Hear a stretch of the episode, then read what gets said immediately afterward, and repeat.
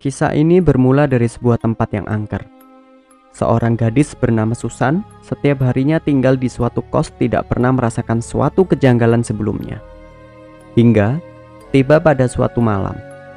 Selepas ia bekerja, ia sangat kelelahan. Ia pun langsung merebahkan tubuhnya dan tertidur di kamar kosnya.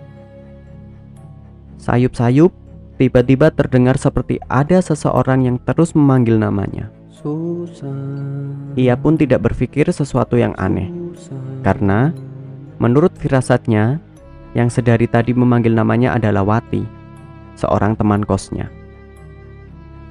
Namun, ia tiba-tiba merasa aneh dengan apa yang ada di bagian belakang punggungnya.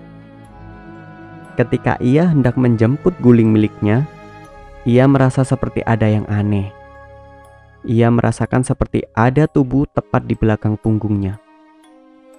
Ia pun merasa takut kala itu dan tidak berani tidur di kamarnya sendiri. Akhirnya, ia memutuskan untuk bangun dan tidak menoleh ke arah gulingnya itu.